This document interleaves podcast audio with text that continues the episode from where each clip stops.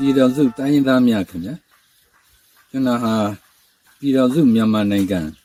အမျိုးသားညီညွတ်ရေးအစိုးရအဖွဲ့ဝင်အလုသမားဝန်ကြီးဌာနပြည်တော်စုဝန်ကြီးနိုင်ထွန်းဖေခေါ်နိုင်သူနာဖြစ်ပါတယ်ဒီနေ့လိုနှစ်ဆန်းတရက်ထူးခြားတဲ့ကျွန်တော်တို့ပြည်တော်စုနိုင်ငံအချိန်အခါမှာကိုကျွန်တော်တို့ဝန်ကြီးဟာအနှစ်တာကာလပတ်လုံးဆောင်ရွက်ခဲ့တဲ့လုပ်ငန်းမှန်သမျှကို ကျွန်တော်အနေနဲ့လေးစားစွာဖြင့်တင်ပြခြင်းတာဖြစ်ပါတယ်။နံပါတ်1အချက်အနေနဲ့အလုပ်သမားဝန်ကြီးဌာနမြို့သားညီညွတ်ရေးအစိုးရကိုစတင်ဖွဲ့စည်းပြီးချိန်မှစပြီးတော့ကဝန်ကြီးဌာနရဲ့အောက်ပါဝါဒ900ကိုချမှတ်ကဝန်ကြီးဌာနရဲ့ IT team IR team finance team complaint mechanism group skills development group များအား ဖွဲ့စည်းသည်၎င်းဦးစီးဌာနနှင့်အဖွဲ့ဝင်6ဖွဲ့ဖွဲ့စည်းသည်၎င်းပြည်တွင်ပြည်ပကျွမ်းကျင်ပညာရှင်များစေရနာများဖြင့်ကူညီသူများမြန်မာနိုင်ငံအလုတ်သမားတပ်ပေါင်းစုမှအလုတ်သမားကိုယ်စားလှယ်များနှင့်ဝန်ကြီးဌာန CDM ဝန်ထမ်းများဖြင့်တော်လှန်ရေးကာလအတွင်းဝန်ကြီးဌာနကဦးစားပေးဆောင်ရွက်သင့်သောလုပ်ငန်းများကိုအကောင်အထည်ဖော်ဆောင်ရွက်လျက်ရှိပါတယ်။ကကြီး မြို့သားညီညွတ်ရေးအစိုးရနိုင်ငံတကာတိုင်းဝိုင်းတွင်ထောက်ခံပပူးမှုများရရှိရေးခါခွေပြည်တွင်အလုသမားတို့၏အခွင့်အရေးအားကာကွယ်ရေးကငယ်အမျိုးသားညီညွတ်ရေးအစိုးရထောက်ခံသောလုပ်ငန်းရှင်များ၏အကူအညီရရှိရေးနှင့်စစ်ကောင်စီကိုထောက်ခံသောလုပ်ငန်းရှင်များအားအရေးယူနိုင်ရေး ကကြီးလောက်သမားဥပဒေများအားဒီမိုကရေစီစံချိန်စံညွှန်းနှင့်ညီညွတ်ရေးငါစစ်ကောင်စီအားအမြင့်ပြတ်ခြင်းမုန်းရေးတို့ဖြစ်ပါတယ်လုပ်ငန်းဆောင်ရွက်မှုအနေနဲ့အကျင့်မြတ်တာကျွန်တော်ဖော်ပြခြင်းပြုပါမယ်နံပါတ်2ဝန်ကြီးဌာနစတင်ဖွဲ့စည်းချိန်မှာယနေ့အထိ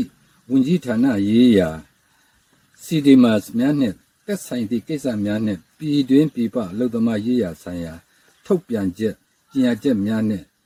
အမိတ်ကျညာစာစုစုပေါင်း16ခုကိုထုတ်ပြန်ခဲ့ပြီးဖြစ်ပါတယ်။အခြားဌာနများနဲ့ပူးပေါင်းဆောင်ရွက်သောလုပ်ငန်းများတွင်လည်းပဲတက်ကြွစွာဆောင်ရွက်ခဲ့တာဖြစ်ပါတယ်။နံပါတ်3အပြည်ပြည်ဆိုင်ရာအလုပ်သမားရေးရာအဖွဲ့ International Labour Organization ILO ကကြီးမှုကျင်းပသောတရားကိုကြိမ်မြောက်အပြည်ပြည်ဆိုင်ရာအလုပ်သမားရေးရာညီလာခံနှင့်အုပ်ချုပ်ရေးအဖွဲ့ governing body စီဝေးများကိုအမျိုးသားညီညွတ်ရေးအစိုးရကိုကူစားပြုသည့်အလုပ်ရှင်အလုပ်သမားအစိုးရသုံးဖွဲ့ဆိုင်ကိုယ်စားလှယ်များတက်ရောက်နိုင်ရေးကြိုးပမ်းခဲ့ပါသည်။သို့သော ILO သည်ကမ္ဘာကုလသမဂ္ဂအဖွဲ့ကြီး၏အထူး agency specialized agency တစ်ခုဖြစ်တဲ့နှင့်အညီကုလသမဂ္ဂထွေထွေညီလာခံ၏ကိုယ်စားလှယ်အရေးအတွေ့စစ်ဆေးရေးကော်မတီကဆုံးဖြတ်သည့်အတိုင်း2020ခုနှစ်စက်တင်ဘာလအထိ ဆိုင်ငံထားသဖြင့်သုံးပေးဆိုင်ကိုယ်စားလှယ်အဖွဲ့တက်ရောက်နိုင်ခြင်းမရှိခဲ့သောညာလည်းပဲ2022ခုနှစ်မေလ29ရက်နေ့တွင်ကျင်းပမည့်110 ILC တို့သုံးပေးဆိုင်ကိုယ်စားလှယ်အဖွဲ့တက်ရောက်နိုင်ရေးထပ်မံဆောင်ရွက်သွားမည်ဖြစ်ပါတယ်။နံပါတ်၄နိုင်ငံတကာပြောင်းရွှေ့ရောက်ရှိနေသောအလုပ်သမားများရွှေ့ပြောင်းအလုပ်သမားများလှုပ်ရှားမှုများပါဝင်သည့်မြန်မာရွှေ့ပြောင်းအလုပ်သမားကောင်စီ MMWC များကိုမြန်မာအလုပ်သမားအများဆုံးတွားရောက်လုပ်ကိုင်နေသောထိုင်းမလေးရှားနှင့်ကိုရီးယားနိုင်ငံတို့တွင်ဖွဲ့စည်းနိုင်ခဲ့ပြီးလက်ရှိတွင်ပူးပေါင်းဆောင်ရွက်မည့်လုပ်ငန်းများအကောင့်တွေဖော်ဆောင်ရွက်ခြင်းရေရှည်ပူးပေါင်းဆောင်ရွက်နိုင်မည့်ကိစ္စရပ်များကိုညှိနှိုင်းဆွေးနွေးခြင်းများဆောင်ရွက်လျက်ရှိပါတယ်။မြန်မာအလုပ်သမားများတွားရောက်လုပ်ကိုင်နိုင်သည့်အခြားပြည်ပနိုင်ငံများတွင် MMWC များဖွဲ့စည်းဆောင်ရွက်ရေးဆက်လက်ဆောင်ရွက်လျက်ရှိပါတယ်။နိုင်ငံအလိုက်မြန်မာရွှေ့ပြောင်းအလုပ်သမားရေးရာကော်မတီများနှင့်ပူးပေါင်းပြီးတော့ကဝန်ကြီးဌာန CDM ဝန်ထမ်းများနှင့်အလုပ်သမားများအားထောက်ပံ့ကူညီနိုင်ရန်ရန်ပုံငွေရရှိရေးအစီအစဉ်နှစ်ခုအကောင့်တွေပေါ်ဆောင်ရွက်နိုင်ခဲ့ပါတယ်။ပြည်ပရောက်မြန်မာရွှေ့ပြောင်းအလုပ်သမားများ၏အချက်လက်များကောက်ယူနိုင်ရေး overseas development registration cut ထုတ်ပေးနိုင်ရေးဆက်လက်ဆောင်ရွက်တဲ့ရှိပါတယ်နံပါတ်5နိုင်ငံတကာအလုပ်သမားဖွဲ့ချုပ်များနှင့်တွေ့ဆုံဆွေးနွေးပြီး၎င်းတို့၏အစိုးရများကအမျိုးသားညီညွတ်ရေးအစိုးရကို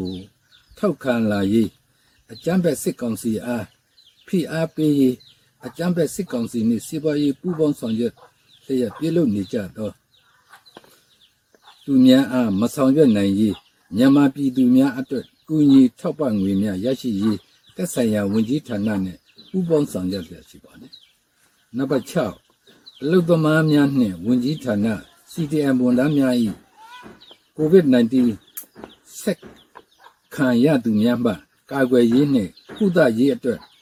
ကျန်းမာရေးဝန်ကြီးဌာနကူညီဖြင့်ဒစိတ်တဒေသကူညီဆောင်ရွက်ပေးနိုင်ပြီးဝန်ကြီးဌာန CDM ဝန်ထမ်း1098ဦးအနက် 90ဦးခသင့်တော်သောထောက်ပံ့မှုများဖြင့်ဝန်ကြီးဌာနလုပ်ငန်းများတွင်ကူညီဆောင်ရွက်ပေးနိုင်ရန်စီစဉ်ပေးခြင်းနှင့်အရေးပေါ်လိုအပ်သူစီဒီမတ်များနှင့်လူသမားများအားငွေကြေးကူညီများပေးခြင်းငွေဥထီမှရရှိသော ထောက်ပံ့ငွေများကို CDM ဝန်ထမ်းများအားအလှည့်ကျခွဲဝေပေးခြင်းများဆောင်ရွက်ပေးနိုင်ခဲ့ပါသည်ဝန်ကြီးဌာန CDM ဝန်ထမ်းများအားအလုပ်အကိုင်နှင့် ဝင်ငွေရရှိရေးဆောင်ရွက်ပေးနိုင်ရေးအတွက်အလုပ်အကိုင်အခြေအနေစစ်တမ်းကောက်ယူစီပြီးအစီရင်ခံစာတစ်စောင်ပြုလုပ်၍အစိုးရသို့မဟုတ်ပြည်ပဖွဲ့စည်းများ၏အကူအညီဖြင့်လုပ်ငန်းများအကောင့်ထဲပေါ်နိုင်ရေးဆက်လက်ဆောင်ရွက်လျက်ရှိခဲ့ပါသည်စီဒီမာနှင့်နန်စီဒီမာဆိုင်ရာမူဝါဒသတ်မှတ်ရေးတွင်လည်းဝန်ကြီးဌာန၏စီဒီမာ မြိုင်းဤသဘောထားပါဝင်နိုင်ရည်ပူးပေါင်းဆောင်ရွက်လျက်ရှိပါတယ်နံပါတ်9၎င်းအပြင်ပြည်သူ့ကာကွယ်ရေးများအတွက်လိုအပ်သောထောက်ပလုပ်ငန်းမှုများနှင့်စစ်ဘေးရှောင်ကုညီဆောက်ရှောက်ရေးလုပ်ငန်းများအတွက်လည်းပဲသက်ဆိုင်ရာဝန်ကြီးဌာနများနဲ့ပူးပေါင်းဆောင်ရွက်လျက်ရှိပါတယ်နံပါတ်10အမျိုးသားညီညွတ်ရေးအစိုးရစစ်ကောင်စီအားစီးပွားရေးပိတ်ဆို့မှု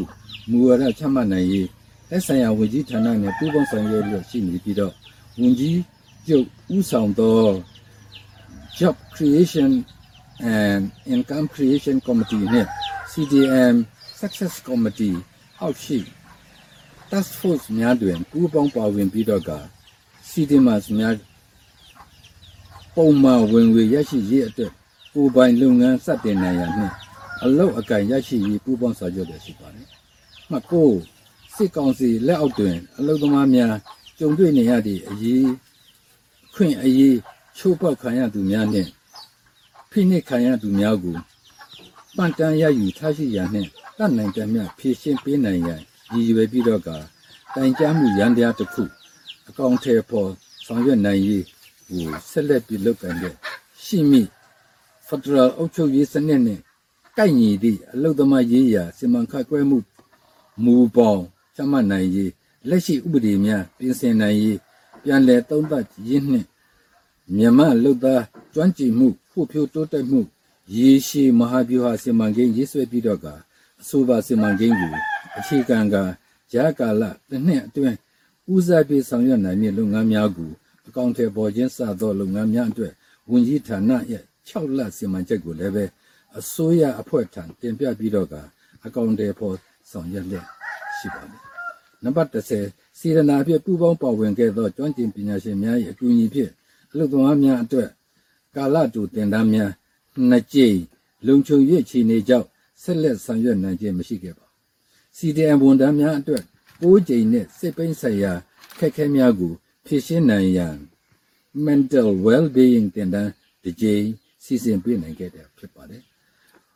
လူမှုဖလိုရေးဆိုင်ရာလုပ်ငန်းစီမံချက်၃ ၃ခုကိုရေးဆွဲတင်ပြပြီးရန်ပုံငွေရရှိပါကဆက်လက်အကောင့်တွေပေါ်ဆောင်ရွက်နိုင်ပြီဖြစ်ပါတယ်ပြီးတော့ကဆက်လက်ပြီးတော့ကျွန်တော်တို့ရှေ့လုပ်ငန်းစဉ်အတွက်ကိုလည်းပဲ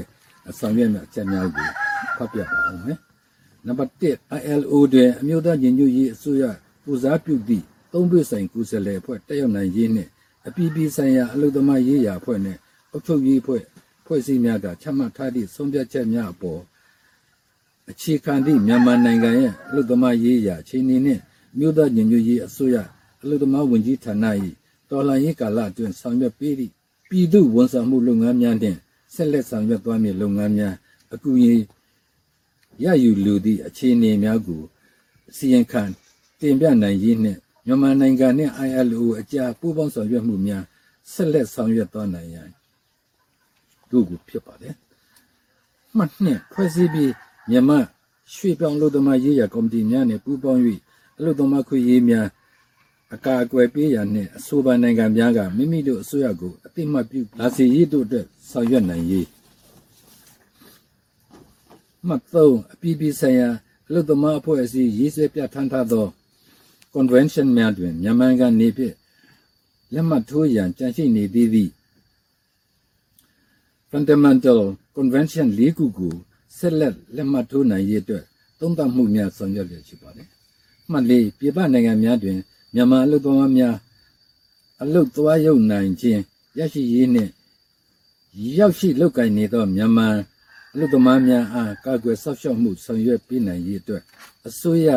များထံတောင်းဆိုဆွေးနွေးမှုများပြုလုပ်သွားရန်နှင့်ပြည်တွင်း အလုပ်အကင်ဖန်တီးပေးနိုင်မည့်အစီအစဉ်များအကောင့်တွေပေါ်ရန်အစိုးရဖွဲ့ညွှန်ကြားချက်များနှင့်အညီပူးပေါင်းဆောင်ရွက်သွားရန်တို့ဖြစ်ပါတယ်။အမှန်ငါအစိုးရအဖွဲ့အစည်းတို့တင်ပြထားသည့်ဝန်ကြီးဌာန